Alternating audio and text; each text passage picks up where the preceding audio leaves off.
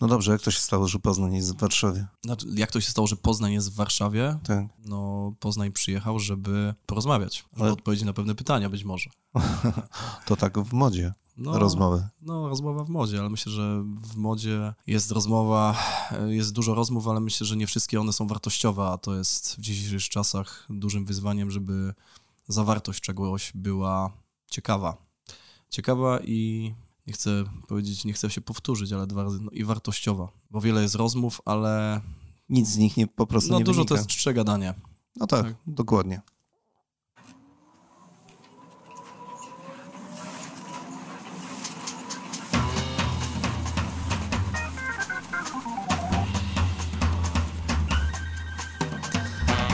Niezbędnik poligrafa Mirosław Pawliński. Witam wszystkich bardzo serdecznie, a dzisiaj naszym gościem Stanisław Karoński, Preston Packaging. Witam cię Stanisławie. Dzień dobry. Dzień dobry Państwu i dzień dobry Mirku. E, To bardzo miło, że nas odwiedziłeś i powiem ci, że mam do ciebie całą gromadę różnych pytań. Ja bardzo się cieszę, że zostałem zaproszony i e, czuję pewien dreszczyk emocji, jakie to pytania będą. Dobrze, zaczniemy od najprostszych.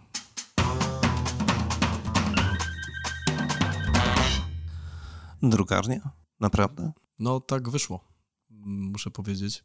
Ale poczekaj, poczekaj, poczekaj. Drukarnia to jest jeden temat, ale tak Mhm. naprawdę to przecież wy to robicie w trójkę. Trzech braci prowadzi drukarnię. Nieprawdopodobna historia. No, tak jakoś jest. Ja myślę, że my jesteśmy bardzo zżyci ze sobą, pomimo tego, że jest między nami duża różnica wieku, bo z całej trójcy jestem najmłodszy, ale myślę, że sukcesem i to, co ma wpływ na to, że razem e, działamy i to zawsze wszystkim powtarzam, jest to, że po pierwsze świetnie się uzupełniamy, każdy z nas ma swoją rolę, każdy z nas tą rolę rozumie i każdy z nas ma inne cechy, które powodują, że to wszystko funkcjonuje. I mamy na pewno wspólną wizję, a do tego myślę, że coś, co jest takim jednym z ważniejszych elementów w prowadzeniu biznesu rodzinnego, to jest to, że mm, mamy dystans do pieniędzy i się o nie nie kłócimy.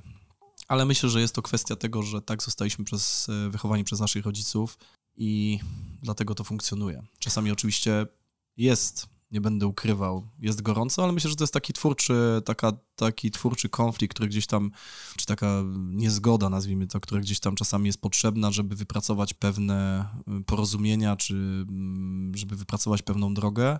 Proszę cię, różnica zdań zawsze jest twórcza. Jest, jest, jest potrzebna. Dokładnie. A zatem e, pozdrawiamy Filipa i Jacka, żeby była Zdecyd- sprawa jasna. Zdecydowanie pozdrawiamy Filipa i Jacka, moich kochanych braci.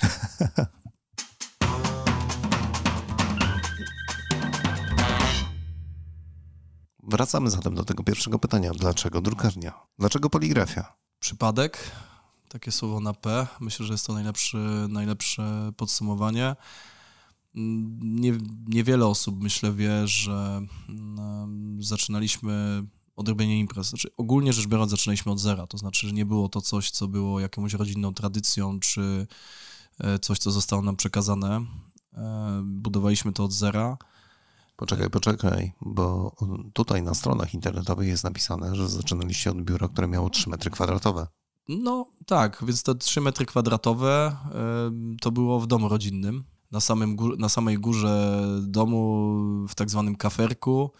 I pamiętam do dzisiaj, e, tam było nasze pierwsze biuro, stały dwa fotele, stolik drewniany i na nim stał faks. Na 3 metrach kwadratowych. No, Jeszcze faks się zmieścił. zmieścił się, ale zresztą y, ogólnie rzecz biorąc, jak się siadało w tych fotelach, które były dosyć pokaźnych rozmiarów, to uderzało się praktycznie w ten stolik, ale w razie czego mogę, mogę, zaś, mogę przedstawić dowód rzeczowy w postaci zdjęcia, gdzie jest taki, mamy takie zdjęcia, nawet nie wiem, czy on nie było gdzieś publikowane w mediach, a jeżeli nie, to będzie, gdzie stoi Filip z Jackiem, jeszcze tacy młodzi, młodzi gniewni, znaczy nadal są młodzi, I nadal gniewni. nadal gniewni bardzo i tak to się mniej więcej zaczęło.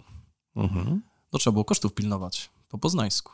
Po poznańsku. Po Tak poznańsku. zupełnie. Dokładnie. Dobrze, a powiedz mi, dlaczego, dlaczego ta drukarnia o, przez was prowadzona m, poszła w kierunek opakowania? Był taki moment, że skupiliśmy się, mm, czy funkcjonowaliśmy jako tak zwana agencja reklamowa, co było chyba taką dość popularną nazwą w, tej, w tym czasie i takie trochę Schwarzmydło powidło, czyli trochę katalogów, trochę ulotek e, i Nadszedł taki moment... Więcej pośrednictwa raczej. E, znaczy, głównie pośrednictwo, tak? No tak naprawdę mm, w pewnym momencie, w pewnym momencie dołączył do nas e, grafik, bo już czuliśmy taką potrzebę, że outsourcowanie tego procesu jest trudne i zdecydowaliśmy się właśnie na taki ruch. I e, nadszedł taki moment bodajże, to był rok 2001-2002, gdzie rynek siadł. My byliśmy w tej poligrafii reklamowej no i dość mocno nas to wtedy uderzyło. To nawet był taki moment, gdzie no zastanawialiśmy się, jak to dalej ma wyglądać. Oj, i... pamiętam te czasy. No. To wtedy był taki boom internetowy. Ojejku, wszyscy będą robili sklepy internetowe, pamiętasz? Tak, dotcom. Wow, co tam się nie działo? Wszyscy będą inwestowali, wszystko się będzie sprzedawało, wszyscy będą pakowali. Boże, co tu się nie działo na tym rynku? No, zadziało się trochę później, jak widać. e, trochę świat potrzebował czasu, żeby się może do pewnych rzeczy nauczyć, czy do pewnych rzeczy przystosować. No, w każdym razie wtedy doszliśmy do wniosku, że no, to jest e, branża dosyć, e, czy inaczej ta gałąź jest dosyć podatna, mocno podatna na perturbacje rynkowe i zaczęliśmy szukać troszkę innej drogi. I bodajże w czasie mojej nieobecności, ja byłem rok nieobecny, w, bo pracowałem też podczas studiów w firmie, podczas mojej nieobecności akurat w tym czasie byłem mm, na, za granicą, no gdzieś chłopakom udało się podłapać jakiś mm, pierwszy kontakt na opakowania. To był akurat kontakt eksportowy, no i, no i tak poszło. I uznaliśmy, że to jest to, co chcemy robić. Jest to bardziej techniczne, myślę, mniej kreatywne. Wymaga to solidnej pracy. Mm, I od początku też bardzo byliśmy na tym skupieni, żeby pomimo tego, że to było mm, podwykonawstwo i musieliśmy, że się tak wyrażę, biegać po mieście, żeby pewne rzeczy się do, mm, e, złożyły w całość. Oj, to duże wyzwanie. No, bywało i tak, że jechało się od drugiej do piątej rano na akcepty do drukarni. No, bo tak było, ale no... Znam ten temat żeby do czegoś dojść, to czasami trzeba się poświęcić, no i trzeba pewnych rzeczy dopilnować.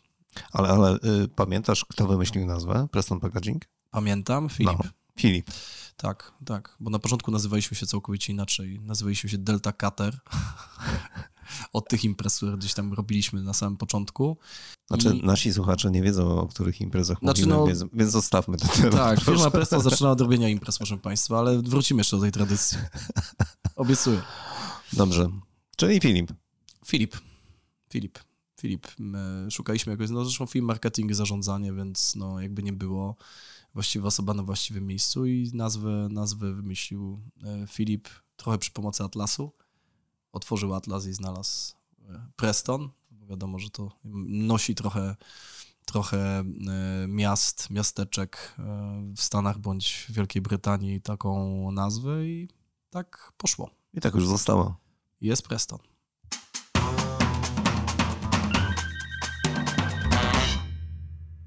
Stanisławie, jak to jest, że macie taki genialny porządek w drukarni? Wiesz, jak was odwiedziłem po raz pierwszy i później po raz drugi i później następny raz, no to byłem totalnie zaskoczony, bo drukarnia, która realizuje zlecenia opakowań, a u was jest czysto, tak, że aż miło. Czy... Wszystko poukładane na swoim miejscu. No bo tak powinno być. Jakość wynika z porządku. Ale to jest nieprawdopodobne. Nie wiem, czy to jest nieprawdopodobne. To są pewne procedury, pewne schematy, pewne wzorce i pewne pewnego rodzaju kultura, którą się z jednej strony się przekazuje pracownikom, a z drugiej strony no, wymusz, też zatrudnia się osoby, które to rozumieją. Ja myślę, że znaczy, Trudne to jest? Mm, zatrudnienie ludzi, którzy to rozumieją. Znaczy chciałem powiedzieć, że to jest jedno z większych wyzwań. Dobranie do zespołu wartościowych, fajnych ludzi, którzy rozumieją filozofię firmy, którzy łapią w lot, co się chce osiągnąć i też cieszą się tym, co robią i y, tak patrząc na to z czysto takiego ludzkiego punktu widzenia, ludzi, z którymi chce się na co dzień bywać, tak? którymi chce się spędzać czas. Ja zawsze się śmieję, że złym objawem jest, gdy ktoś mówi, że chodzi do roboty, a nie do pracy. Tak, roboty kojarzą mi się z czymś mm, siermiężnym, tak? A praca może być ciekawa, przyjemna, przyjemna inspirująca. inspirująca, czasami stresująca, no to jest jej część ale no, my zawsze bardzo duży nacisk kładliśmy na to, jakie osoby zatrudniamy i to jest wyzwanie. To jest wyzwanie, bo Chcemy mieć naprawdę świetny zespół z fajnych, zgranych ludzi, bo oni tworzą to wszystko. To nie jest e, maszyna, to nie jest budynek, to nie jest system wentylacyjny, mm, pa papiery w szafie, tak? To, to, to jest to, co tworzy ktoś. Tylko im lepiej ten zespół jest zgrany, im, im on jest fajniejszy, tym łatwiej to idzie. I też jest to frajda, żeby z takimi ludźmi pracować. Innowacyjność z ich strony doceniacie? Zdecydowanie. Ja myślę, że też siła tkwi w, różnorodności, tak, żeby e, starać się do firmy przyjąć e, osoby, które są różne od siebie, tak. I też myślę, że dobrym zwyczajem jest to, żeby zatrudniać osoby, które są lepsze od na przykład właścicieli, w sensie, żeby one do firmy coś wniosły. Miałem kiedyś taką rozmowę z jednym z, z właścicieli no, do bardzo dużej firmy z branży nam bardzo bliskiej i, i pamiętam, że byłem taki dumny z tego, że mamy taką małą rotację. On powiedział, fajnie, ale czasami jest dobrze, jak do firmy przyjdą nowi ludzie, tak, albo się coś zmieni, bo oni wnoszą nową energię, wnoszą jakieś nowe spojrzenie, wnoszą jakąś nową inicjatywę i myślę, że największym wyzwaniem jest znaleźć ludzi, którzy mają inicjatywę, to którzy prawda. wychodzą poza schemat. To prawda, bo wtedy łatwiej się pracuje, po prostu. Znaczy wtedy się myślę, że z punktu widzenia takiego e, właścicielskiego, bo my czujemy się odpowiedzialni za, za zarówno za zespół, za to nie są, mówię, no praktycznie każdą osobę w firmie dobrze znamy, tak? No jesteśmy, nie jesteśmy jeszcze firmą ogromną, ale myślę, że to też jest ważne, żeby ci ludzie czuli, że oni nie są, żeby ten zespół czuł, czy ci ludzie w tym zespole, żeby nie, oni czuli, że oni są jacyś e, anonimowi. Każdy ma swoją rolę do spełnienia. Ja mm, uważam, że tak samo często jest istotna rola osoby, która, nie wiem, zarządza produkcją, ale wracając do tego porządku. Ale bardzo istotną rolą wbrew pozorom jest osoba, jest osoba, y, która ten porządek utrzymuje. Bo bez niej byśmy zginęli no, w bałaganie, tak delikatnie rzecz ujmując. Tak? Więc to od góry do dołu wszyscy powinni spotkać się z szacunkiem, bo każda praca jest ważna i każda, każdy ten element mały składa się na tą całość, o której myślę, że tutaj wspomniałeś. E, wiesz co, byłem zaskoczony jeszcze jednym tematem, e, bardzo takim interesującym. Z tego, co zauważyłem przy ostatniej wizycie, ewidentnie inwestujecie w najbardziej rozwiązania technologiczne z tej górnej półki. Czyli staracie się kupować sprzęt również e, taki, który spełnia naprawdę najwyższe standardy. Te ekologiczne również. No myślę, że nie uznajemy półśrodków, byle jakości. Albo jest jakość, albo jest byle jakość. E, myślę, że to jest jakby znajduje odzwierciedlenie w każdym z naszych działań, że mm, bardzo dbamy o detale i chcemy, żeby te detale były dopracowane. Czasami może za bardzo, bo myślę, że to jest jedna z naszych takich pewnego rodzaju wyzwań dla naszej organizacji, że czasami za bardzo być może to, na co my zwracamy uwagę, na nie, inni na to by uwagi w ogóle nie zwrócili, tak? E, w kwestiach jakościowych na przykład, ale myślę, że koniec końców e, to podejście troszkę złagodzone jest e, podejściem właściwym, bo widzimy, że coraz większa mm, liczba klientów zaczyna to po prostu doceniać i zaczyna to widzieć, że Zapraszacie ich do hali?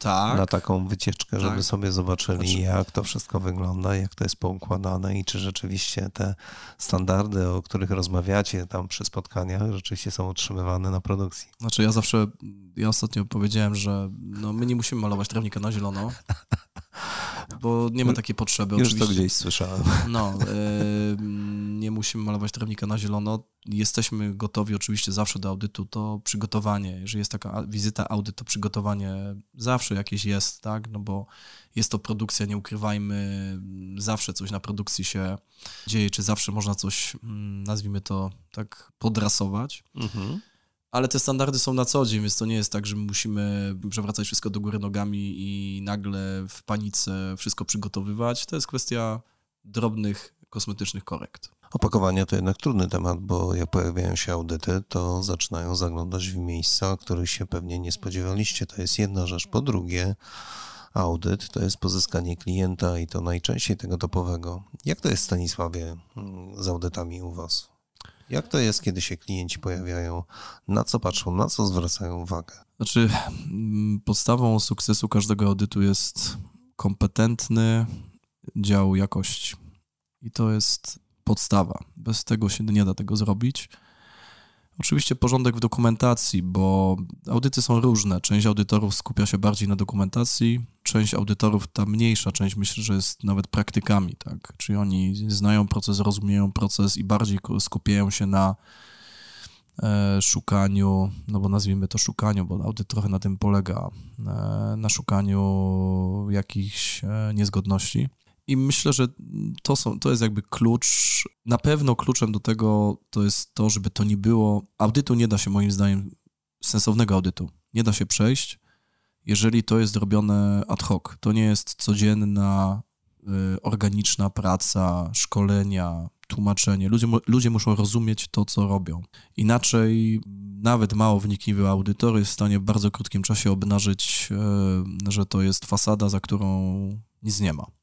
Słabostki, tak, biorąc. I, I, z każdego takiego audytu, ogólnie rzecz biorąc, coś się wynosi. No czasami, nie będę ukrywał, niektóre uwagi, niektóre uwagi są delikatnie rzecz ujmując, no powiedzmy, że śmieszne, tak? To znaczy, że znaczy, audytor generalnie musi zawsze coś znaleźć, bo jak nie znajdzie, to co z niego za audytor? Taka jest, taka jest zasada, więc czasami jest troszeczkę szukanie na siłę. E, żeby coś tam znaleźć, no ale to trzeba to w pewnym stopniu e, przyjąć. Czasami z audytorem też trzeba wejść w polemikę, bo mieliśmy taką sytuację kiedyś, że audytor e, no, dyskutował z faktami, czego generalnie na audycie robić się nie powinno. Jeżeli są pewne fakty weryfikowalne, to dyskutowanie z nimi i próba podważania czegoś jest, no, no nazwijmy to niegrzeczna, tudzież niewłaściwa. Ziemia jest płaska? No, czasami, żeby udowodnić sobie coś, to może być płaska, tak? I, i, i ocean może się kończyć i tam spadamy gdzieś w jakąś, jakąś otchłań, ale, ale, ale bywają i takie sytuacje. My audytów się generalnie nie boimy. Oczywiście są audyty lżejsze, tak? I są audyty takie, które naprawdę są audytami e, bardzo wymagającymi, gdzie audytorzy są bardzo kompetentni i szukają bardzo głęboko, ale no, polega to na tym, że trzeba się takiego audytu przygotować. Jak się ma, tak jak już wspomniałem, kompetentny i e, dobry dział jakości, to myślę, że wie się już tak naprawdę przed audytem, jaki będzie tego audytu, e, jaki będzie wynik tego audytu, w jakimś, w jakim stopniu. No oczywiście nie wiadomo nigdy na kogo się trafi, e, ale myślę, że kwestia przygotowania. Przygotowania, codziennej pracy, regularnych szkoleń, procedur. Wyjaśnijmy jeszcze jedną drobną rzecz, że u Was na produkcji jest dużo farmacji. Mhm. I tutaj niestety te audyty są bardzo wyśrubowane i naprawdę, żeby przejść taki audyt, to nie jest takie łatwe. No, no nie jest, ale je przechodzimy. A dodatkowo jeszcze robicie kosmetyki, czyli opakowania naprawdę takie wysoko przetworzone. No, to było jakby związane, my chcieliśmy rozszerzyć ogólnie skupiamy się na opakowaniach, które się wiążą z, nazwijmy to, produktami czystymi, tak? Czyli to są, to są leki, suplementy diety i kosmetyki. Myślę, że taką jedną z naszych cech wspólnych jest to, że jesteśmy ambitni, e, chcemy inwestować, chcemy się rozwijać. Kiedyś stwierdziłem, że ja nie chcę budować firmy, ja chcę budować przedsiębiorstwo. Chciałbym, żebyśmy też jako marka byli też nad tym mocno pracujemy, kojarzeni z jakością i taką solidnością, tak? Że jak się z nami pracuje, to jest pewnego rodzaju gwarancja gwarancja, że e, na tym odcinku problemy nie będą występować, bądź będą występować bardzo rzadko, a jeżeli już wystąpią, to będą szybko rozwiązane, bo to uważam, że to jest jedna z, jeden z też elementów, którego nas życie nauczyło, że problemy się na pewno będą zdarzać, tylko mm, kluczem jest to, jak się do tego problemu podchodzi, bo dla mnie osobiście, może teraz boczyłem z tematu teraz, ale dla mnie osobiście kwestia pozytywnie rozwiązanej reklamacji może być często nawet bardziej, może mieć bardziej pozytywny wpływ na współpracę niż e, regularne dostawy, gdzie klient się w ogóle nie odzywa, bo tego nikt nie zauważa. W takim wypadku, kiedy jest jakieś, nazwijmy to działanie kryzysowe, reakcja firmy świadczy o tym, jak dojrzała ona jest. To prawda. Mieliśmy tutaj naszego gościa Karolinę Miller, Czech, z którą rozmawialiśmy a propos właśnie takich audytów, reklamacji i ona przy reklamacjach powiedziała dokładnie te same słowa, które ty powtórzyłeś. Dokładnie to samo. To, jak firma reaguje, świadczy o jej poziomie. I ile z tego wynosi dobrego, tak naprawdę na końcu. Pozdrawiamy Karolinę w takim razie bardzo serdecznie. No ale. Dobrze, y, wiesz co, ja podziwiam was jeszcze z jednego powodu. Y, Preston Packaging jako, jako firma przecież y, wspaniale prezentuje się w mediach społecznościowych. Czekałem na ten temat. Ha, ha, ha. Właściwie wszędzie was pełno. No nie chciałbym, żeby było za pełno. Znaczy, Mirku... Znaczy, poczekaj, ja się bardzo z tego cieszę, bo mhm. to znaczy, że dostrzegacie też siłę komunikacji. A to jest problem wielu, wielu firm, żeby umieć i rozumieć, czym jest komunikacja i w jaki sposób, czyli posiadać jakąś strategię komunikacyjną.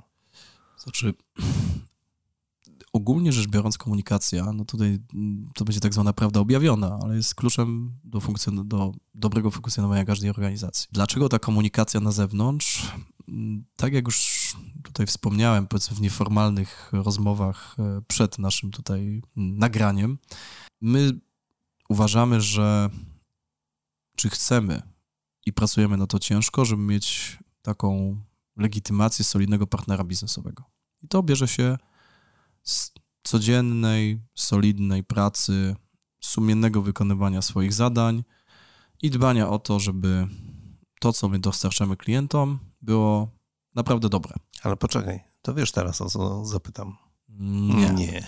Nie. Widzę to w Twoich okularach. Stanisław, y, czy to, że jesteście w tych portalach społecznościowych, czy to, że publikujecie, pokazujecie swoje fajne niektóre produkty, albo to, gdzie jesteście, wpływa rzeczywiście na komunikację z klientami? Czy klienci to widzą, dostrzegają? Wpływa. Są no, powiedzmy pytania od nich? Wpływa. Może pytania nie do końca, ale Myślę, że mnie najbardziej zależało na tym, czy nam najbardziej zależało na tym, akurat ja jestem odpowiedzialny tutaj za tą za tą w głównej mierze za ten, e, za ten odcinek, żeby do tej takiej naszej mm, pozytywistycznej pracy e, dodać element takiego marketingu, który to wszystko pokaże. Bo myślę, że dużym wyzwaniem dla nas na pewnym etapie było to, że robiliśmy dobrą robotę, ale nie za wiele osób o tym wiedziało. Tak przynajmniej uważam. I nie wiem, jak to do końca wyszło, bo ja generalnie jestem dość mało me me medialnie aktywny prywatnie, bo uważam, że e, co za dużo to niezdrowo i mam takie podejście, że nie, roz, mam, nie mam tendencji do rozmieniania swojego, swojej prywatności na drobne. Ale to ty, natomiast firma? Firma, a firma uważam, że ma co pokazać. Przedsiębiorstwo. Przedsiębiorstwo. Nie, no firma jeszcze. Jeszcze firma. Jeszcze firma. E, firma uważam, że ma czym się pochwalić i to jest całkowicie inny, inna płaszczyzna i powinno się to po prostu pokazywać. Dlaczego nie pokazywać coś, co robimy, uważam, że robimy dobrze, nie pokazywać ludzi, którzy u nas pracują, nie pokazywać zespołu, nie pokazywać naszych przewag. A jaki jest lepszy sposób niż korzystać z tego z, w obecnych czasach no, z mediów społecznościowych i komunikować to naszym, nie wiem, potencjalnym pracownikom, bo to też nie jest, to też nie jest nieistotny element tej całej układanki, no i naszym klientom, którzy gdzieś nas tam obserwują. Ale wszystkiego nie będę mówił, bo po co ma konkurencja wiedzieć wszystko? Dobrze to rozumiem. Natomiast chciałem zapytać jeszcze jedną drobną rzecz w tej całej komunikacji. Czy mhm. korzystacie z tradycyjnej formy? Czy wkładacie coś w kopertę po to, żeby wysłać do klienta? Zdarza nam się i tak. Zdarza się nam, nam, się nam i tak. Znaczy, Wiesz, wiesz, dlaczego pytam? No. no. Bo poligrafia, jakby no to nie patrzeć, jest organoleptyczna, musi dotknąć. Po prostu.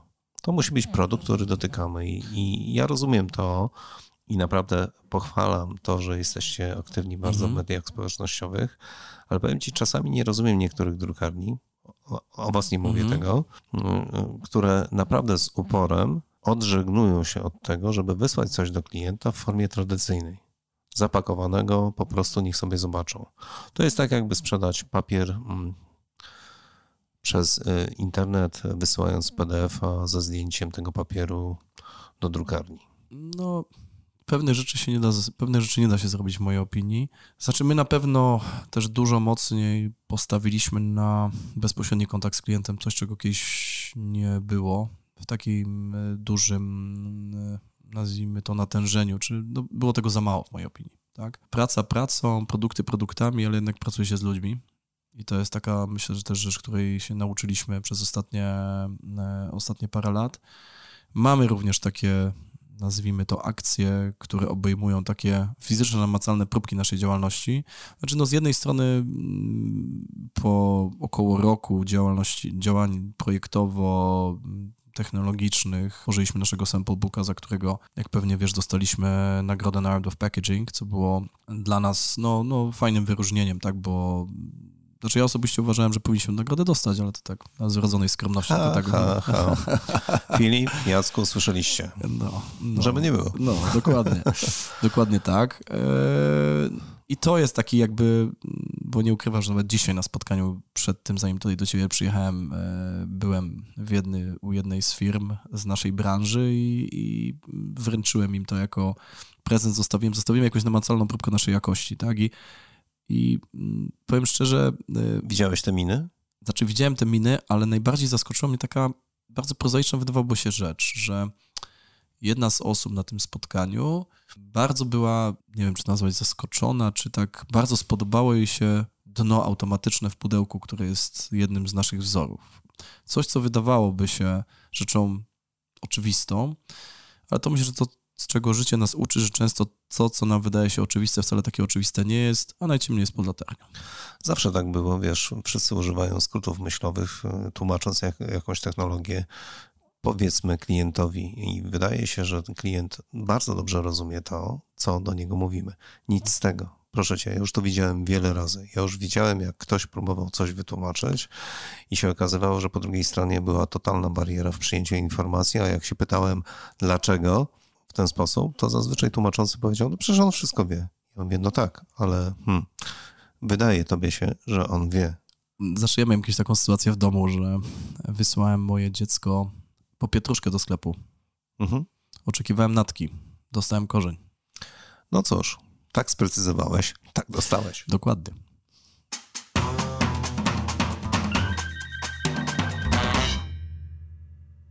Stanisław Karoński naszym gościem, a teraz pytanie zupełnie z innej strony. Bywasz często na różnych targach praktycznie na całym świecie.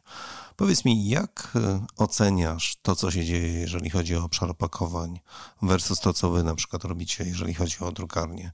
Mm, jak daleko odbiegamy albo nie odbiegamy od e, tych trendów światowych? Znaczy, z tym światem to może masz tak, ambicje takie mam, ale jeszcze póki co jest to Europa. To też świat. No, taki bliższy. Taki bliższy świat. E, znaczy, myślę, że ogólnie rzecz biorąc, nie można powiedzieć, żebyśmy jakoś bardzo, bardzo, bardzo odbiegali od, od rynku. Ja myślę, że poziom tej poligrafii w Polsce jest bardzo wysoki.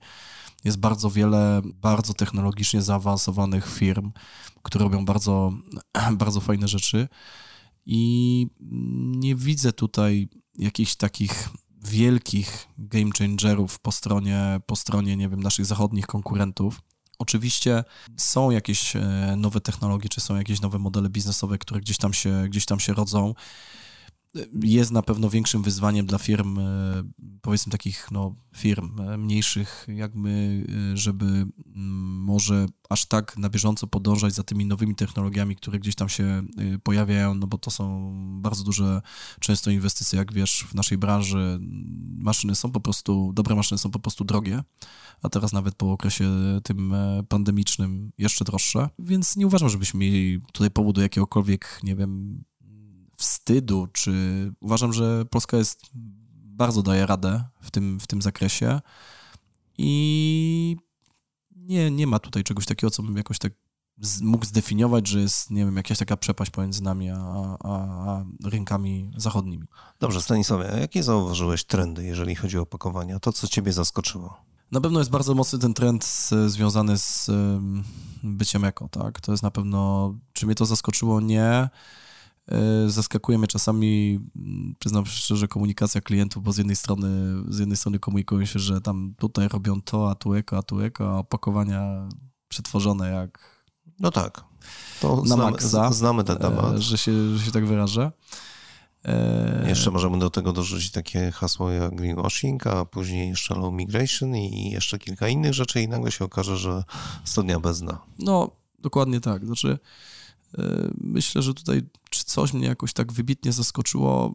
Myślę, że nie ma. Nie, nie wydaje mi się, żebym miał jakieś, żebym zetknął się z czymś takim, co mnie osobiście jakoś tak powaliło. Oczywiście są jakieś, e, jest jakaś tendencja mm, do działania w smart packagingu, tak? Czyli gdzieś tam się to hasło gdzieś tam cały czas na, na orbicie się kręci ale no, my sami e, mieliśmy, czy mamy, powiedzmy, mieliśmy takie podejście do takiego tematu i myślę, że to jest bardzo nośne hasło, ale koniec końców klient musi chcieć za co zapłacić. Tak, i tutaj już troszkę się to, y, myślę, że oczekiwania rynku versus oczekiwania producentów troszkę się myślę, że, że Rozjeżdżają. Roz, roz, rozjeżdżają.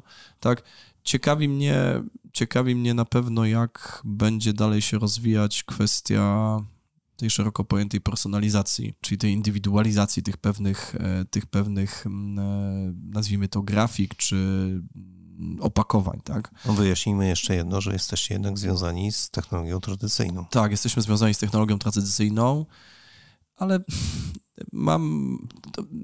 Należy też jakby zauważyć, że ta technologia tradycyjna, zresztą miałem takie analizy, ona też, ona też mocno się scyfryzowała, tak? Więc to jest na pewno też tak, e, taka sytuacja, że ten dawny offset to już nie jest ten dzisiejszy offset. Oczywiście nie jest to cyfra, która no, może wydrukować jednym, jedną sztukę albo 100 tysięcy sztuk, każdy w innym wykonaniu, w sensie grafik.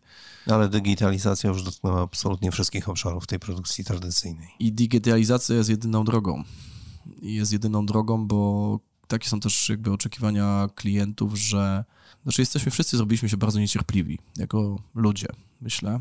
Chcemy mieć szybko, już wczoraj, od razu najlepiej, zaraz to wracamy do rynku europejskiego. Bywasz na targach, widzisz, Bywam. co się dzieje, widzisz jakieś trendy. Wspomniałeś, ekologia. Super, to jest jeden temat. Ale zauważyłeś, że te opakowania również zmieniają się, jeżeli chodzi o kolorystykę na przykład. Te wszystkie produkty ekologiczne, nagle pojawia się tam no, coraz częściej kolor zielony. Zresztą można zobaczyć to w sklepach, że, Mhm. że na przykład nowa grupa produktów wegańskie, Mhm. ich nie było prawie. No nie Dziś, było. Dzisiaj mamy półki pełne, jeżeli chodzi o produkty e, z takim oznaczeniem. No i roślinne, tak? Tak, na pewno, tak. na pewno to jest, to jest, no tak, oczywiście produkt roślinny, więc opakowanie w, w, zielonych, w zielonych barwach, takich bardziej tam jakieś listki. Zresztą na tym, teraz na, na, na targach widziałem takie stoisko jakiegoś producenta, ciekawy koncept producenta, oni są chyba akurat czy producentem, no to można powiedzieć, że to trochę firma rolnicza, mają bodajże hodują, nie wiem, lawendę, jakieś inne zioła, tak, i potem to robią z tego ekstrakt i zapewne potem to idzie do suplementów, no to mieli całe stoisko y, częściowo w sztucznych, a częściowo w naturalnych y, kwiatach, y, jakichś pnączach, no ciekawe to, ciekawie to wyglądało tak Mhm. bardzo. No jednak ten zielony kolor, myślę, że tutaj dużo jest w tym psychologii, tak, no o ile kolor, nie wiem, czerwony, żółty są kolorami takimi sygnalnymi, no to zielony kolor jest taki kojący i niebieski i to nawet badania na to są, że że nie wiem, nie powinniśmy tutaj siedzieć w czerwonym pokoju, bo mogła być ta rozmowa iść w całkowicie innym kierunku, może byłaby bardziej, nazwijmy to, agresywna, tak? No dobrze, to ja sięgam po farbę.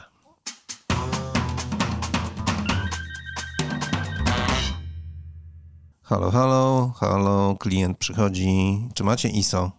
Takie, Mamy. śmakie, owakie, FSC, standardy takie, jeszcze inne. I zaczyna być po prostu hmm, takim wrzodem, mm, przepraszam, nie powiem gdzie, ale po prostu czepia się wszystkiego tylko po to, żeby wycisnąć z was najwięcej, po czym wychodzi, trzaska drzwiami i mówi eee, do kitu. Nie, no myślę, że nie ma takich sytuacji.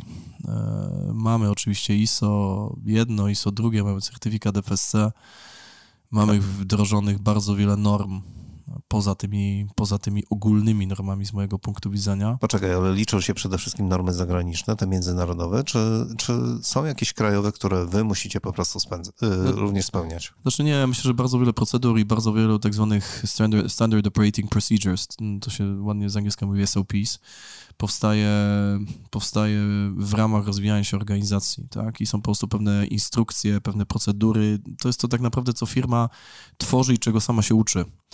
To, czego się nauczy, powinna zapisać i wdrożyć, przeszkolić. I myślę, że to jest najbardziej weryfikowane przez klientów. Znaczy, na audytach ISO jedno i drugie no, jest na pewno jakimś. To jest taki dobry, dobry przedsmak. Ale to A... znaczy, że wy naprawdę zapisujecie te wszystkie swoje własne uwagi i procedury? Zapisujemy i... oczywiście. Nie Zapisujemy, wierzę. tworzymy. Tak, oczywiście, że tak i wydajemy wydajemy, kontrolujemy, bo to jest kontrola zmian, tak? No tymi dokumentami, tymi dokumentami trzeba zarządzać, tak? To nie może być tak, że te dokumenty gdzieś sobie tam żyją, bo one też podczas audytu ISO często e, są też wyciągane na wierzch, tak? Ale e, tak to funkcjonuje. Mówię, z mojego punktu widzenia na pewno tak, certyfikat FSC jest istotny, bo część klientów, duża część klientów, jest to no, uznawany na pewno europejsko standard, którego część klientów wymaga i jest to warunek konieczny dla podejścia dla dan do danej pracy. Bo tak bardzo, czekaj, bardzo jak często pyta, jest. Jak pytają o FSC, to oni w ogóle wiedzą, o co pytają? Wiedzą, oczywiście, że tak. Oczywiście, że tak, wiedzą. Znaczy mówię tutaj o Europie, tak, tej powiedzmy bliższej. E, bliższej i dalszej, ale generalnie rzecz biorąc tak, są, pojawiają się takie też, gdzie nie wiem, w zapytaniu czy w, w przetargu pojawia się e, wyraźne, wyraźna wzmianka o tym, że surowiec ma być certyfikowany FSC. I bez tego certyfikatu no, mm, nie byłoby możliwości, żeby daną pracę wytworzyć. Zresztą my sami widzimy, że w naszym portfolio, oczywiście to jest też związane z generalnym wzrostem sprzedaży, ten e, procent zleceń FSC mocno rośnie, tak? Klienci są do tej marki, są już tej marki w jakiś sposób nauczeni. Przywiązani wręcz. No ja bym powiedział, że na dzień dzisiejszy nauczeni jest to pewnego rodzaju też, jak i ma mój konkurent, to jak ja nie będę miał. Yy, świadomość pewnego standardu. Tak, i świadomość, świadomość, świadomość jednak klientów jest coraz wyższa i część osób myślę, że nie tak bardzo duża, no zwraca na to uwagę, ok, to jest certyfikowanych lasów, to wiem, że to jest, że to jest e, jakby tutaj istotne i że czuję się lepiej z tym, że wiem, że dany produkt powstał z gospodarki zrównoważonej. Cokolwiek by to nie znaczyło. Mm, bardzo to jest takie pojęcie szerokie. No to nie jest chwyt marketingowy, tylko to jest naprawdę bardzo, bardzo ważne pojęcie, które określa określone, mhm. no, określa określone, no, masło maślane, ale tak naprawdę mm, pokazuje pewne rzeczy, które są dla nas istotne dla naszego zdrowia, po prostu. Dokładnie tak. Dobrze, to wróćmy na moment do no, tradycyjnej drukarni. Y, nie myśleliście o cyfrowych urządzeniach? O wejściu w ogóle w coś takiego jak rozwiązania cyfrowe przy produkcji opakowań? No, chyba nie mogę odpowiedzieć, znaczy nie mogę odpowiedzieć na to pytanie, bo bym zdradzał strategię firmy, więc tutaj się muszę, muszę się wymiksować z tego pytania. No nie, oczywiście, no. znaczy rozważamy, tak, rozważamy, analizujemy, tak jak stwierdziłem, jesteśmy firmą rodzinną, która stara się jak najwięcej inwestować, bo uważamy, że to chcemy mieć coraz silniejszą pozycję na rynku. Takie mamy ambicje. Czyli już wszystko Państwo wiecie dokładnie, dlaczego tak, a nie inaczej i zostawmy ten temat, bo zaraz e, wejdziesz na śliski grunt i później bracia ci tego nie podarują. Zobaczysz. Nie, nie. nie Zobaczysz, nie? Nie, nie powiem, nie, za dużo nie powiem. Wszystko jasne. E, dobrze. Naszym gościem Stanisław Karoński, Preston Packaging. Bardzo dziękuję Ci za dzisiejszą wizytę. To oczywiście bardzo luźna rozmowa generalnie o drukarni, o tym, co robicie i w jaki sposób, ale mam nadzieję, że było interesująco również dla naszych słuchaczy. Stanisławie, bardzo Ci dziękuję. Dziękuję Państwu bardzo za wysłuchanie. Mam nadzieję, że znajdziecie w tej rozmowie naszej coś, co przykuje Waszą uwagę i być może będzie przyczynkiem do dalszych części. I również dziękuję bardzo mojemu gospodarzowi za sprawne i przyjazne poprowadzenie tego wywiadu. Bardzo dziękuję Mirku, bardzo dziękuję Państwu. Również dziękujemy. E, niezbędnik poligrafa Mirosław Pawliński.